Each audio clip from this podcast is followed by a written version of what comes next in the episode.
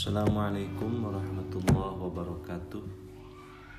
Selamat pagi Untuk semua para Sahabat di mana pun berada. Perkenalkan nama saya Muhammad Ridwan. Saya berasal dari Kabupaten Kuningan, Jawa Barat pada pagi ini saya ingin bercerita satu cerita tentang sebuah kehidupan di mana kita tahu bahwa manusia pertama yang Allah ciptakan itu adalah Nabi Adam alaihissalam. Sudah menjadi sebuah keyakinan bagi kita bahwa beliaulah manusia pertama. Seiring berjalannya waktu, perkembangan demi perkembangan, keturunan dari satu sama lain dari keturunan Nabi Adam sehingga sampai kepada kurun di mana kita dilahirkan di era dan di zaman yang begitu jauh dari peradaban di zaman Nabi Adam alaihissalam. Terlepas dari apa pun cerita dalam Al-Quran, Allah Subhanahu wa Ta'ala menceritakan tentang asal muasal Nabi Adam. Beliau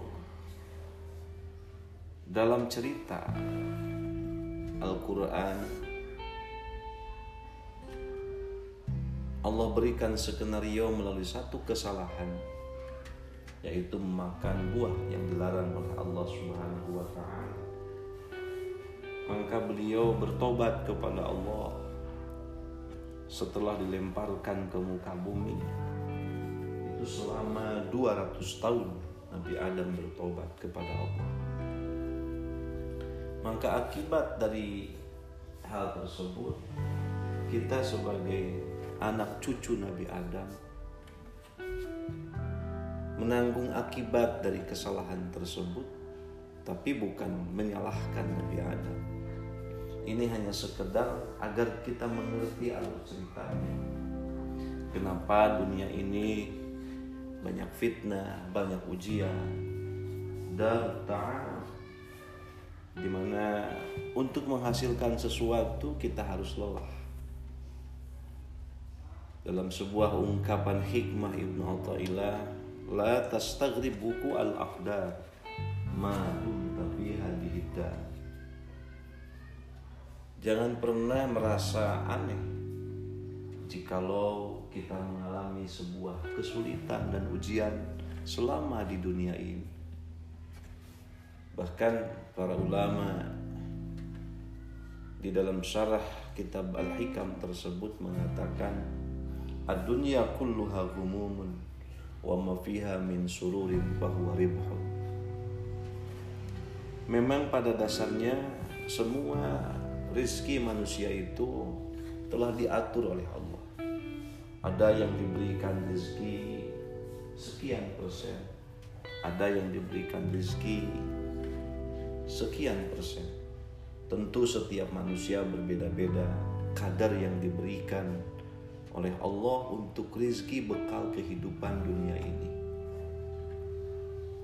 Yang saya ingin jelaskan pada waktu ini adalah kita sebagai manusia hanya diwajibkan berusaha mengambil segala potensi yang telah Allah berikan di dunia ini. Allah fasilitasi diberikan sebuah tempat tinggal di mana tanahnya menjadi sumber rizki. Langitnya menjadi sumber rizki. Apa pun kemampuan manusia yang Allah berikan itu akan berpotensi menjadi rizki.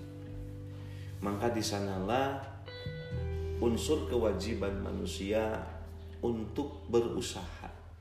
Tapi pada akhirnya manusia harus menyadari betapa rizki tersebut telah diatur oleh Allah Subhanahu wa taala. Sahabat muslim rahimakumullah. Maka penjemputan rezeki tersebut jangan pernah lepas dari apa yang telah diatur oleh Allah. Artinya Allah menyediakan di dunia ini rizki yang halal dan juga rizki yang haram. Allah telah sediakan tapi manusia diberi pilihan jika mengambil yang halal maka akan dipenuhi dengan pahala dan keberkahan. Jika mengambil yang haram akan menerima akibat yang pedih dari Allah Subhanahu wa taala bukan hanya di akhirat. Di dunia pun orang yang melakukan kejahatan dan keserakahan Allah pasti hukum. Nah, sahabat sekalian, oleh karena itu bagi para pengusaha muslim terutama para pengusaha yang masih muda-muda yang belajar menjadi seorang pengusaha maka manajelah usaha kita sebaik mungkin sesuai dengan apa yang dikehendaki Allah Subhanahu wa taala. Karena kalau kita menelaah dari Al-Qur'an ataupun hadis Rasul, Allah telah sediakan cara-cara untuk menghasilkan keberkahan rezeki tersebut. Memang betul setiap manusia mempunyai kadar rezeki yang berbeda-beda. Artinya sudah ada ketentuan tentang rezeki. Tapi Allah juga menciptakan rezeki yang bersifat bonus bagi manusia. Di mana bonus tersebut bisa dihasilkan dengan jerih payah yang lebih daripada pekerjaan yang umumnya dikerjakan oleh orang lain.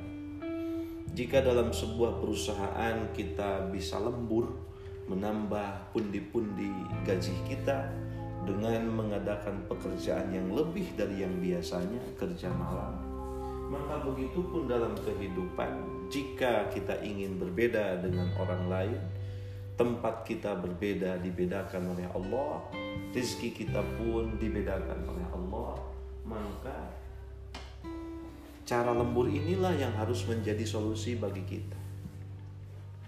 Ya, kalau orang-orang beriman, senang beribadah, bukan hanya kewajiban yang dilakukan, tapi termasuk sunnah.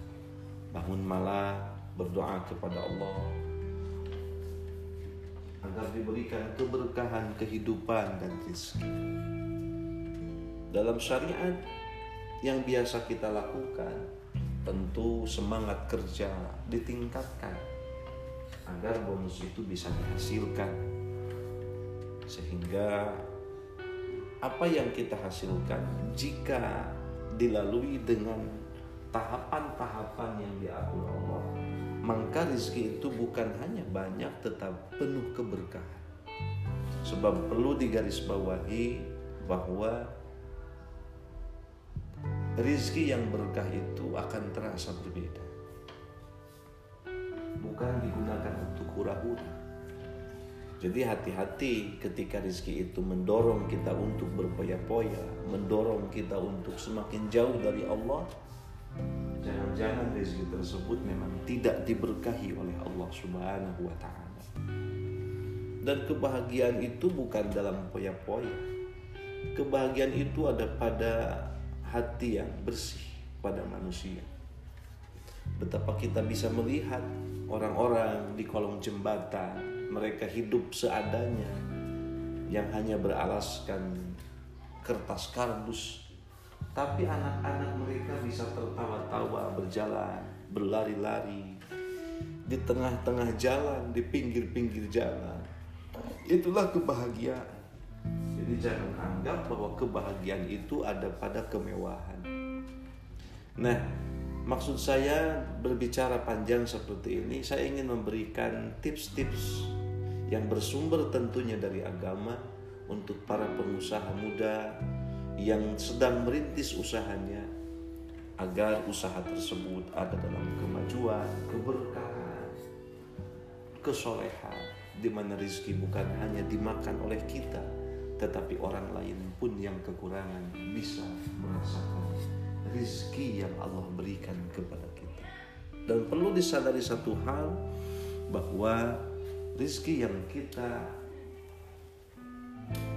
dapatkan ketika diberikan kepada orang lain hakikatnya itu bukan rizki kita kita hanya menjadi pelantara dari Allah untuk memberikan rizki tersebut kepada orang lain mungkin untuk episode sekarang cukup sekian Insya Allah pada episode kedua saya akan menjelaskan apa saja yang harus dilakukan oleh para pengusaha muda bahkan para pengusaha yang sudah sukses.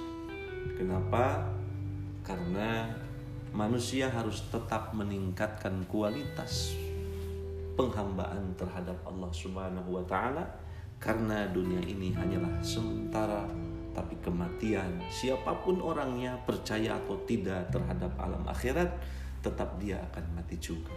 Mudah-mudahan bermanfaat. Sampai berjumpa lagi di episode berikutnya. Saya Muhammad Ridwan undur diri.